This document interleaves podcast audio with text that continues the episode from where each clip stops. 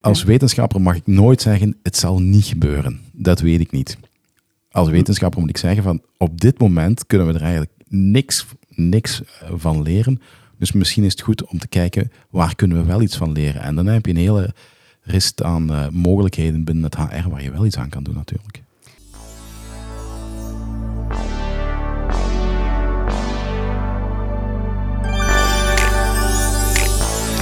Welkom bij de tweede podcast van Academic Transfer in de reeks Arbeidsmarkt 2030. In deze reeks nemen we je mee in de laatste visies en trends over de toekomst van de arbeidsmarkt. Ik ben Audrey Peters, de host van deze podcast. Bij Academic Transfer ben ik verantwoordelijk voor het ontwikkelen van innovatieve recruitment services samen met onze leden. Vandaag praten we over de zin of onzin van generatieverschillen. Zo zouden de babyboomers materialistisch zijn ingesteld, generatie X vol van cynisme zijn en leiden de millennials massaal aan burn-outs. Er wordt goed geld verdiend in HR-land met dit onderwerp. Er verschijnen regelmatig boeken. Er worden workshops gegeven aan teams over hoe generatieverschillen het hoofd te bieden op de werkvloer. En in de afgelopen jaren is het aantal artikelen dat erover gepubliceerd wordt hard gestegen. Maar klopt het generatiedenken wel? Kortom, de zin of onzin van generatieverschillen. Ik ga hierover in gesprek met twee gasten. Welkom Sanne Pensioen. Jij bent na je promotie beleidsadviseur strategie en impact bij de graduate schools van de Universiteit Groningen geworden. En ook welkom Wouter van der Nabelen. Jij bent universitair hoofddocent Human Resources Management aan de Universiteit Utrecht en ook bijzonder gastprofessor aan de Katholieke Universiteit Leuven. Voordat ik eh, met jullie in gesprek ga, ben ik nieuwsgierig naar wat meer informatie nog over jullie. Sanne, kun jij iets vertellen over jouw rol bij de Graduate Schools in Groningen? Ja, dat kan ik. Ik uh, werk bij de Groningen Graduate Schools samen met vier andere vrouwen. En uh, mijn rol daar is um, ja, me bezighouden met promovendi-beleid. En dat, dat is vrij breed. Dat gaat van uh, zorgen dat ze goed opgeleid worden, zodat ze naar de arbeidsmarkt kunnen betreden. Dus we denken daarbij aan het ontwikkelen van trainingen daarvoor. Maar we houden ons ook heel erg bezig met hun welzijn, zodat ze goed het traject doorkomen. Want nou ja, een promotietraject kan ze nu dan best wel stressvol zijn. Oké, dankjewel. Um, Wouter, kun jij ook iets meer over jezelf vertellen en met name ook over je onderzoeksgebied? Ja, ik ben dus Wouter. Ik uh, hou mij op twee plekken bezig met onderzoek. In de eerste plaats mijn grootste aanstelling, die, die ligt bij de Universiteit Utrecht. Waarbij ik vooral onderzoek doe naar HR-onderwerpen binnen de publieke sector. Dus dat gaat dan heel vaak over hoe gedragen mensen zich binnen die publieke organisaties, op welke manier gedragen ze zich en waarom gedragen ze zich op die manier. Daarnaast hou ik me ook nog bezig, en dat doe ik dan misschien vooral in Leuven, waar dat ik uh, bijzonder gasthoogleraar ben. Daar uh, hou ik mij bezig met evidence-based HRM en eigenlijk ook een beetje het onderwerp van vandaag, de zin en onzin van allerlei HR-praktijken. Dankjewel aanhakend op dat laatste, Wouter, voordat we uh, daar meer over kunnen zeggen. Uh, misschien is het goed om eerst even de definitie van generaties en generatieverschillen vast te stellen. Wat, wat, zijn dat eigenlijk en wat bedoelen we daarmee? Ja, de, het idee van generaties, dat, dat gaat eigenlijk al heel ver terug. Dan, dan praat je over uh, ongeveer 100 jaar geleden. Dan werd er gekeken naar de manier waarop mensen zich ontwikkelden en vooral vanuit het functionalisme heette het dan, er waren bepaalde functies um, die ertoe leiden dat mensen zich op de een of de andere manier gingen gedragen. En er werd op die manier ook gekeken vooral naar, zijn er gemeenschappelijke achtergronden, zowel in plaats als in tijd, die dan een soort van gelijkaardige ervaring zouden creëren. En dat zou heel erg bepalend geweest zijn voor het, uh, het gedrag van mensen. Dat, tot welke generatie je behoorde, dat was zo belangrijk, uh, dacht men op dat moment, dat dat uh, heel determinerend was voor, uh, voor hoe dat je zou gaan gedragen. Daar komt het vandaan. Wat is het eigenlijk? Dat is, dat is een beetje een, een meer complexe vraag in de zin van hoe ga je het operationaliseren? Daar zijn heel veel verschillende visies op. Als je kijkt naar, naar die oorspronkelijke bronnen, die zeggen dan, het is eigenlijk komt het allemaal neer op de, op de cyclus van, van geboorte en dood eigenlijk. Um, daar hangt het mee samen. Maar als je, als je gaat kijken in de biologie bijvoorbeeld, dan, dan denkt men daar over generaties. Ja, op het moment dat mensen, mensen of dieren dan hè, opnieuw kunnen gaan reproduceren, dan zou je over generaties spreken. in een menselijke maatschappij ligt dat natuurlijk wat moeilijker. Dus heel vaak wordt er dan gekeken naar groepen van pakweg een jaar of 20, 25. Dat is dan een generatie, zo gezegd. Ehm, die hebben, en dat is de, misschien een stukje de fictie die erin zit, uh, zoals er in heel veel wetenschappelijke dingen wel wat fictie zit. Het past nooit helemaal op de realiteit, maar die hebben dan een gemeenschappelijke achtergrond, zowel in tijd als in plaats, waardoor dat ze eigenlijk op dezelfde manier zich zouden gaan gedragen.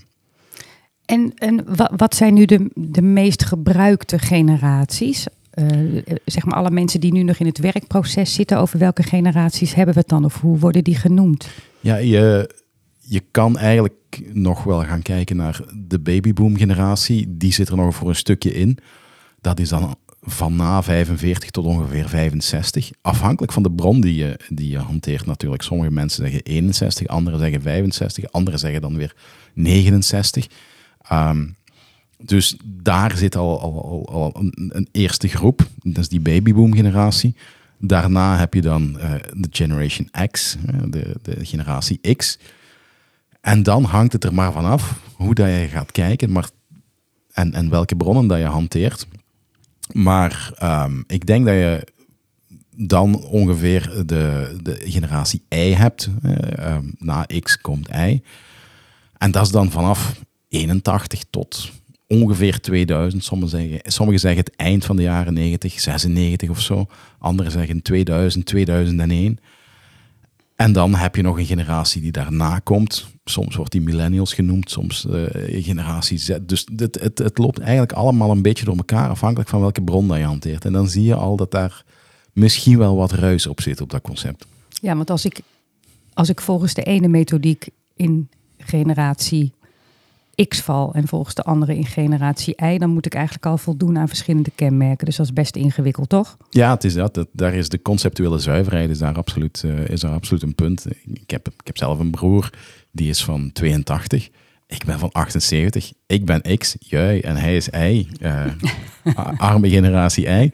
Um, maar daar zie je al, eigenlijk verschillen wij niet zoveel. We zullen natuurlijk allebei zeggen dat we heel veel van elkaar verschillen, maar onze, ja, onze, onze achtergrond en ons kader, net hetgene waar die generaties om draaien, dat loopt eigenlijk heel erg gelijk. Um, En, en um, nu is het wel een, een, nou ja, toch een hot item uh, de laatste paar jaar. Je, ja, je, je leest er veel over in de media. En wat ik al zei, er worden workshops overgegeven aan teams. Hoe, hoe komt dat dan, dat dat dan toch zo'n hot item is geworden? Ik denk dat dat ook voor een deel te maken heeft met hoe dat mensen kijken naar de wereld om, uh, om zich heen. Ja, als je, mensen gaan altijd dingen gaan proberen te verklaren. En zo'n generatie, dat is een gemakkelijke manier om te categoriseren, om te stereotyperen ook. En dat is natuurlijk hetgene waar mensen heel gemakkelijk in vervallen. Um, er wordt heel vaak in, in stereotypen gedacht. Dat heeft ook een functie natuurlijk, want dat maakt de wereld een stuk minder complex. Maar je gaat heel snel op uiterlijkheden of, of pseudo-uiterlijke kenmerken, zoals de leeftijd, gaan categoriseren en zeggen, ja, um, die is zo oud, dus het zal wel zo zijn. Je gaat eigenlijk, mensen zijn, zijn oorzakelijke wezens. Ze gaan op zoek naar verklaringen. En ze gaan dus op basis van die kenmerken, gaan ze patronen proberen te zoeken. En soms kunnen dat pseudopatronen zijn, en soms zijn dat echte patronen. Maar dat is eigenlijk heel erg belangrijk in onze beslissings... Uh, uh, in onze besluitvorming die wij, die wij hanteren. Hoe, hoe kunnen we daar een kausaal model op kleven eigenlijk? En dus mensen gaan op zoek naar allerlei, naar allerlei uh, kenmerken. En op die manier gaan ze er dan ook allerlei eigenschappen aan kleven. Maar dat kunnen vaak heel foute gevolgtrekkingen zijn. Maar dat is de manier waarop dat wij als mens functioneren natuurlijk.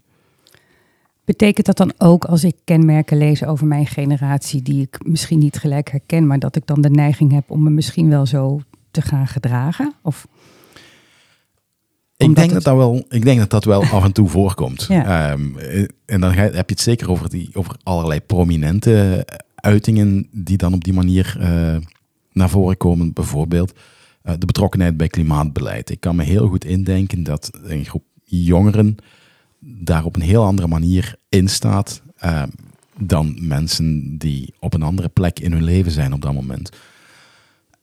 En dat dat ook nog een stuk gaat versterkt worden je gaat je op, op die manier natuurlijk op, op zo'n moment gedragen. Maar over het algemeen denk ik dat dat nog wel meevalt. Omdat er zoveel impact is van allerlei bronnen, dat dat idee van een soort van self-fulfilling prophecy, dat dat relatief beperkt blijft. Dus bij mij weten nog niet echt onderzoek naar gedaan, maar ik, ik, als, ik een, uh, als ik er geld op zou moeten inzetten, dan zou ik zeggen van, wow, ik weet het niet. Doe maar, uh, doe maar toch dat dat heel erg beperkt is. Ja. Maar je, je gaat natuurlijk altijd wel uitingen zien van mensen gaan zich ook met die generatie identificeren natuurlijk voor een stuk. Ja. Dit is onze generatie, hè. the voice of a generation. Dat zei de Who al in der tijd. Dat is nog ver voordat ik, uh, voordat ik geboren was. Uh, maar op dat moment zie je dat daar zit een zekere identificatie aan vast. En die kan dan weer tot een gelijkaardig gedrag gaan leiden. Maar over het algemeen denk ik dat dat heel erg beperkt blijft. Tot bepaalde domeinen misschien ook. Dan, dan gaat het over welke muziekkeuze is dominant en dat soort dingen. Maar als je het gaat hebben over gedrag op de werkvloer, dan denk ik dat je daar niet te veel geld op moet inzetten. Je, je noemde al even uh, uh, onderzoek. Um, veel wat ik heb gelezen, um, wat er in workshops en zo wordt aangeboden, dat beroept zich op onderzoek wat gedaan is. En als ik het goed begrijp, is er ook best veel onderzoek gedaan de laatste tien jaar, met name in de VS, naar die generatieverschillen. Wat, wat maakt dan dat dit misschien toch niet helemaal klopt, dit generatiedenken? Ja, je hebt onderzoek en je hebt goed onderzoek. Daar kan je al een onderscheid in maken. En als je gaat kijken, ik wil een generatie-effect gaan verklaren, dan heb je hele complexe uh, designs nodig. Dan moet je dus eigenlijk groepen gaan volgen doorheen de tijd. Dus je moet op een bepaald moment bijvoorbeeld 18-jarigen gaan volgen. En die volg je dan om de zoveel tijd. En daarnaast ga je dan vijf jaar later opnieuw die 18-jarigen volgen, of andere 18-jarigen volgen, en die moet je ook weer volgen.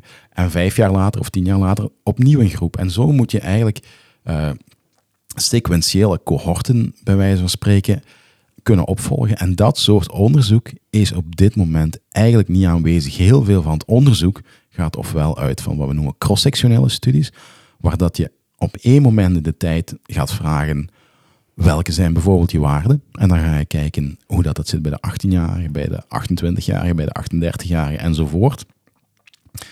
En dan ga je op basis daarvan gevolgen trekken. Maar dat kan evengoed iets zijn dat veroorzaakt wordt door een verschil in leeftijd of levensfase, dan wel dat dat door een generatie wordt veroorzaakt.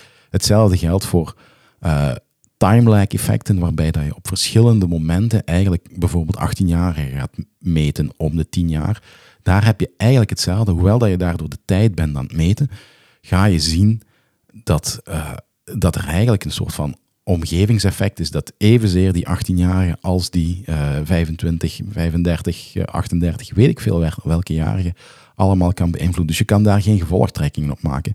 Heel veel van het Amerikaans onderzoek uh, komt van de hand van Jean Twenge. En zij heeft vooral dat sequentiële gedaan. Zij is gaan kijken naar welke data konden we verzamelen bij 18-jarigen. Er zijn heel veel onderzoeken die gebeuren bij, bij studenten die ergens beginnen. En zij heeft die dingen allemaal voor een stuk samengelegd. Maar eigenlijk kan je daar geen conclusie uit trekken. Des te meer omdat iemand achteraf dat nog uh, gerepliceerd heeft en die kwam tot andere resultaten. Dus wat dat betreft, dat soort onderzoeken, daar kan je eigenlijk uh, niet te veel conclusies uit trekken. En het andere soort onderzoek, ja, dat hebben we eigenlijk gewoonweg niet. Nee, nee dus uh, als ik je goed begrijp, zijn er een, eigenlijk een paar problemen tot nu toe in, in het onderzoek wat gebruikt wordt om die generatieverschillen uh, wel in te zetten. Uh, het eerste is, er is eigenlijk helemaal geen uh, overeenstemming over wat is nu precies een generatie. Er wordt, worden verschillende jaartallen voor gebruikt, worden er verschillende intervallen voor gebruikt. Het tweede is, als ik het je hoor zeggen, dat het onderzoek te veel cross-sectioneel is en nog niet in de tijd genoeg gemeten is. Dat is ook best lastig, omdat dat hele omvangrijke onderzoeken moeten zijn en die zijn er eigenlijk nog niet. En het derde wat ik je hoor zeggen is dat we het eigenlijk ook wel heel prettig vinden om ons te kunnen identificeren met een groep. Dus het, het bekt eigenlijk ook wel lekker om te zeggen: ik hoor tot de millennials of ik hoor tot generatie X. Ik heb het mezelf nog nooit horen zeggen trouwens. Misschien, misschien jullie wel, maar. Ik ook niet hoor. Nee, voor mij ging er eigenlijk een, een wereld open, ook over mijn eigen generatie. Maar als, ik het, als ik het zo samenvat, dat, klopt, klopt dat? Dat zijn inderdaad een aantal van, van, uh, van de conclusies die je daaruit kan trekken. Ja. Dus, uh... En kunnen we er dan helemaal niks mee met dat generatiedenken? Of? Het kan natuurlijk zijn dat je iets vindt maar ik denk dat de prioriteiten, als je gaat kijken naar wat er op de werkvloer gebeurt, dat die elders gaan liggen. Er zijn een aantal basispsychologische noden die uh, overal zitten, bij alle generaties. Daar kan je veel meer op gaan inzetten. Als je het dan hebt over, over wat ik wil iets gaan doen op de werkvloer, dan kan je daar veel beter op gaan inzetten dan wel uh, naar andere dingen gaan kijken, zoals generaties. Ja. Dus het is, het is ook een stuk het afwegen van middelen binnen het HR waar je wel iets aan kan doen natuurlijk. Ja, dat is een mooi bruggetje uh, naar jou ook, uh, Sanne. Um, want jij houdt je dagelijks bezig met uh, onder andere het welzijn, wat je vertelde van, van Promovendi. Hè? Wat, wat zijn trends die jij meent te bespeuren in, in, bij, bij jonge onderzoekers en in jouw werk? Dingen als het welzijn van Promovendi. Ik, ik, ik, geloof dat dat er altijd wel is geweest. Zoals ik al zei, het, kan een vrij stressvol traject zijn. Ik denk dat er gewoon meer aandacht ook voor is gekomen en meer vraag. Uh, naar. Dus, dus daar wordt gewoon goed op ingespeeld. Wat ik ook wel zie is dat promovendi uh, zijn wel heel erg serieus bezig met, met, waar, met, met, hun proefschrift en, en zichzelf opleiden tot die academicus die ze willen zijn. Um, en geven ook goed aan dat ze daar wel dat ze daar steeds meer voor nodig hebben. Dus wat, wat, wat Wouter ook aangeeft, die zelfontwikkeling wordt wel steeds belangrijker. Er komt steeds meer vraag naar workshops en trainingen waarbij hun zelfontwikkeling toch wel centraal staat. En dan gaat het dus eigenlijk veel meer om het individu, als ik het goed begrijp, dan dat je hele groepen tegelijk of verschillen tussen groepen probeert te duiden. Of, of... Het, gaat, ja, het gaat zeker om het individu. Ook als het gaat om hoe de promovendi worden opgeleid. Ze hebben natuurlijk uh, het proefschrift wat geschreven moet worden. Maar naast is er gewoon ook een heel groot stuk. Dat, dat is een opleidingsprogramma eigenlijk. En, en dat is heel erg individueel. En er wordt heel erg gekeken naar de behoeften van de, van de promovendus. Kun je wat voorbeelden geven van wat er in zo'n opleidingsprogramma zit? Daar zitten natuurlijk ook wel gewoon verplichte onderdelen in, zoals iets als academic integrity, omdat we willen dat promovendi ook goed weten hoe ze um, een beetje gedegen onderzoek doen. Maar um, ook trainingen in het kader van empowerment. Hoe zorg ik dat ik een beetje stevig, uh, stevig sta en hoe ga ik met mijn supervisor om? Want dat zijn ook uh, toch wel soms uh, nou, ingewikkelde relaties. Dus dat ze leren zich ook beter te weren en daarmee zichzelf dus hopelijk ook beter voorbereiden ja, op de arbeidsmarkt daarna. Krijg jij in, uh, als jullie dat programma aanbieden, krijg jij terug van Promovendi van nou, dit onderdeel vinden we echt heel belangrijk of dit onderdeel vinden we wat minder belangrijk? Ik, ik denk zelfs soms dat ze nog niet altijd helemaal goed inzien hoe belangrijk het is dat ze zichzelf echt ontwikkelen. Dus dat ze bezig gaan met bijvoorbeeld presentatieskills en hoe ze zichzelf uh, moeten etaleren of naar buiten moeten brengen. Um, maar dat dat wel de belangrijkste onderdelen zijn voor de promovendi. Ze kunnen altijd een cursus volgen om hun statistische kennis bij te spijkeren. Uh, en, en daar zijn ze natuurlijk direct dankbaar voor, want dat kunnen ze direct toepassen. Maar die dingen waar ik het meer over heb over de ontwikkeling, dat zijn hopelijk de zaken die ze veel langer met zich mee gaan nemen. Oké, en uh, Wouter, zie jij, zie jij trends in die, in die arbeidsmarkt en dan met name uh, in de academische wereld waarvan je zegt dat is goed om daar oog voor te houden? Ik denk dat bijvoorbeeld zoiets als, als sociale veiligheid en welzijn, dat zijn dingen waarvan je ziet van dat is heel erg belangrijk, ook in het kader van relaties tussen promovendi en, en begeleiders. Maar dat is evenzeer belangrijk als je verderop in de keten gaat kijken of hogerop in de piramide gaat kijken. Want daar heb je datzelfde soort relaties ook. Daar heb je ook machtsonevenwichten um, tussen een UHD en een, uh, en een hoogleraar of tussen een hoogleraar en een decaan. Daar, zijn, daar speelt dat soort relaties ook. Um, en wat ik merk is dat um, dat niet alleen bij promovendi speelt, maar dat dat ook op andere vlakken speelt. En dat er daar bijvoorbeeld veel meer aandacht voor is. Dat is een algemeen maatschappelijk gegeven. En dat is bijvoorbeeld zo'n voorbeeld waarvan je kan zeggen van, als je niet goed kijkt direct, dan zou je kunnen zeggen van, ja, dat speelt op andere plekken. Als je op verschillende momenten zou gaan meten, telkens bij die 18-jarigen, toen ik begon aan mijn, aan mijn promotietraject, ja, iets als uh, integriteit, daar werd niet over gesproken. En toen kwam daar plots, zoveel jaar later, een soort van replicatiecrisis in de psychologie. En toen was het plots heel erg belangrijk. En nu zie je dat nog, dat er eigenlijk verschillende uh, ja, uh, grote sterren voor een stuk van hun, voetlicht, van, van voetstuk vallen. Um, maar ja, daar, daar, daar, dat is iets wat, wat van de tijd is. En dat was er twintig jaar geleden niet.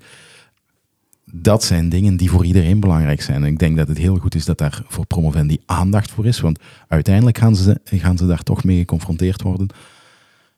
En dat zijn dingen die wij zelf misschien al meer tot scha en schande zelf hebben moeten ondervinden. Dus vanuit dat perspectief is dat heel goed. Maar dat wil eigenlijk ook zeggen dat er daar ook voor anderen, niet alleen de promovendi, aandacht voor mag zijn. Dus eh, als ik hem even leg naast dat generatiedenken, dan, dan en, en misschien is het heel kort door de bocht, maar ik vind hem toch leuk om hem even te noemen. Het is niet zo dat generatie Z minder integer is, maar het is iets wat vanuit de maatschappij komt. Dit is belangrijk dat we hier aandacht aan gaan geven. Of dat ze misschien juist meer integer zijn. Ik, ik, zou, ik zou eerder zeggen van de mensen die al wat hoger op in de food chain staan, daarvan kan je, kan je denken van daar zijn misschien wel wat integriteitsproblemen.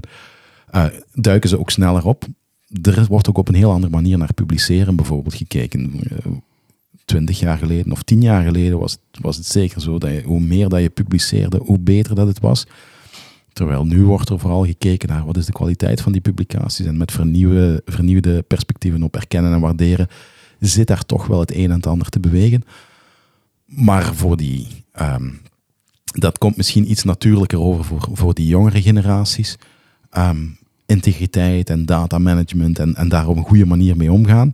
Um, ook geen data lopen verzinnen, bij wijze van spreken. Dat, er zijn er wel eens uh, die daar in die val getrapt zijn als je, als je terugkijkt naar het verleden. Maar op dat moment zie je dat dat, dat dat voor die andere groepen ook heel erg van belang is. En je ziet dat daar ook, ik merk dat ook bij mij en mijn collega's, dat, dat we daar ook wel gesprekken over hebben. Dus dat is iets waar we twintig jaar geleden niet over spraken en nu wel. Dus dat is een, dat is een tijdsgevricht waarin dat we zitten. En dat geldt voor iedereen. En ik hoor jou zeggen, uh, Sanne, uh, een onderdeel van het programma om promovendi voor te bereiden op hun toekomst is aandacht voor hun welzijn, aandacht ook voor hun skills, die ze niet zozeer in hun promotieonderzoek opdoen, maar die ze daarna nodig hebben. Ik hoor jou zeggen, uh, Wouter, sociale veiligheid is echt wel iets van deze tijd waar we aandacht voor moeten hebben. Integriteit in het onderzoek is iets waar we ze op moeten voorbereiden, dat dat gewoon goed in orde is in de toekomst. Zijn er nog meer van dit soort onderwerpen. Als je zegt van ik mag nu advies geven aan HR-adviseurs binnen de universitaire wereld. Let op deze thema's. Die worden belangrijk, die zijn belangrijk. Kijk eerst naar jou, Sanne. Ik denk dat ze, dat ze binnen HR al een heel goed idee hebben. Er wordt zo ontzettend veel al wel opge, opgepikt, zoals inderdaad welzijn, sociale veiligheid, interpersonal skills. En ook gewoon over het algemeen promovendi uh, voorbereiden op, op het leven na het proefschrift. En dat er meer is dan de academische wereld. Want heel veel beginnen en die denken, nou dit is het, ik heb gekozen en dit, ik, ga, ik ga ervoor, ik word hoogleraar. Maar door ze te laten zien dat er zoveel mogelijk is, dat zo'n, uh, met zo'n PhD-degree, dat je zover op zoveel plekken kan komen. Dat, dat is iets wat naar mijn idee best nog wel soms wat meer onder de aandacht mag worden gebracht. Dat er is wel meer, zeg maar, dan, de, dan, dan dat ene carrièrepad. Oké, dus de, uh, duidelijk aan ze maken, uh, je hebt meer mogelijkheden dan alleen maar binnen die academische wereld. Ja, en daar dus ook rekening mee houden in je, in je opleiding wat je aanbiedt. Dus wat, wat wij bijvoorbeeld binnen de rug ook veel doen, is, is uh, externe uitnodigen, bijvoorbeeld uh, consultants of, of gewoon mensen, in ieder geval alumni, die het buiten de academische wereld hebben gemaakt, om te laten zien hoe, groot dat palet eigenlijk is. Dus daar, daar zou, nou, dat vind ik denk ik goed dat, dat daar aandacht aan wordt besteed. Ja, en ik herinner me ook, uh, wij hebben ooit een gesprek gehad met de dean van jullie graduate schools. En uh, dat is toch een compliment naar Groningen, denk ik. Want zij vertelde, wij gaan niet meer zeggen van je moet buiten de deur kijken. Maar we zeggen, we leiden jullie op tot brede onderzoekers, waarmee je gewoon veel meer mogelijkheden hebt. Eigenlijk een hele positieve insteek, koos zij. Dat vond ik, uh, vond ik toen wel best vernieuwend om te horen. Ja, dat doet ze goed inderdaad. We leiden ze hopelijk op tot uh, onafhankelijke onderzoekers die gewoon goed voorbereid zijn op een carrière binnen, maar ook buiten uh, de academische wereld. Ja, ja. Wouter, heb jij nog onderwerpen waarvan je zegt, ja, let daarop voor de toekomst? Dan moet ik even heel diep gaan graven, want ik dacht inderdaad ook van ja, die, die wijzigende arbeidsmarkt, dat, dat is een heel belangrijk gegeven. En dat zie je ook. Als je gaat kijken naar, naar 10, 15, 20 jaar geleden, dan promovendi vervullen een andere plek binnen de wetenschap dan dat ze uh, eh, 20 of 30 jaar geleden, of misschien zelfs nog langer uh, geleden vervulden. Als ik kijk naar mijn eigen promotoren, Ja, die waren met z'n tweeën promovendus van, of promovenda in, in een van de twee gevallen, van twee professoren. En die hebben die ook gewoon opgevolgd. Daar zat voor de rest niet veel uh, carrièrewisseling in. Terwijl, als je gaat kijken hoeveel promoven die dat zij ondertussen onder hun hoede hebben gehad, dan is dat een heel veel grotere groep. En die zijn op allerlei plekken uitgestroomd. Er zitten mensen bij de Wereldbank, er zitten mensen bij consultants, er zitten mensen in de overheid. Dus die zitten op heel veel plekken. En het duidelijk maken van er zijn verschillende carrières en daar actief, uh, actief in opleiden en actief skills verwerven die kunnen leiden tot een betere invulling van die carrière. En dan kan je carrière ook als heel breed gaan beschouwen. Je hoeft dat niet noodzakelijk te beschouwen als alleen maar iets wat je doet binnen een onderzoeksorganisatie. Maar dat zijn ook voor een stuk skills die je meeneemt in je maatschappelijke leven. En je kan allerlei vrijwilligerswerk ook op dat uh, vlak gaan doen. Je kan actief worden in burgerbewegingen waar dat je onderzoekskills uh, kan gaan inzetten. Dat zie je bijvoorbeeld dat dat meer en meer begint te gebeuren. Ja, dat zijn ook eh, skills for life, bij wijze van spreken. Hmm. We zijn alweer aan het uh, einde gekomen van, van dit gesprek. En ik zou zeggen babyboomers, generatie X, generatie Y, generatie Z. Laat jullie generatieverschillen een beetje los. En volgens mij komt het met dat samenwerken op de werkvloer helemaal goed. Uh, Sanne en Wouter, mag ik jullie hartelijk bedanken voor jullie komst naar Utrecht en jullie deelname aan deze podcast. En aan onze luisteraars, bedankt voor het luisteren. Vond je het interessant en wil je geen aflevering missen? Abonneer je dan op ons kanaal. Al onze podcasts vind je terug op onze website corporate.academictransfer.com nl podcast. Daar staat een link om je te abonneren. We zijn ook te beluisteren op Spotify. Je vindt ons onder de titel Arbeidsmarkt 2030. Graag tot een volgende keer.